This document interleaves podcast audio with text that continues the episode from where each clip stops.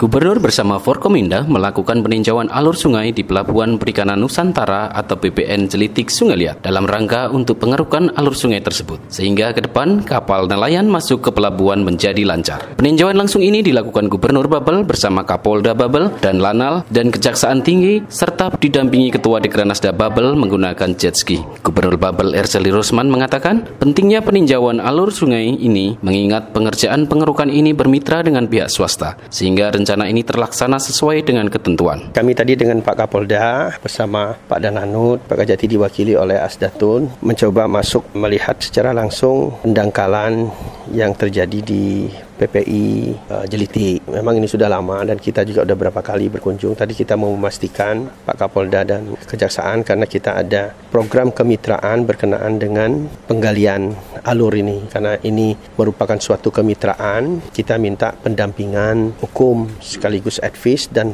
pengawalan secara menyeluruh dari Kejaksaan dan Kepolisian sehingga persiapan daripada kegiatan ini betul-betul dapat dilaksanakan dengan baik karena ini program kemitraan yang mensinergikan kegiatan dari Satker Satker Kementerian Kelautan dan Satker PU. Jadi kita perlu melakukan eh, pengawalan ini.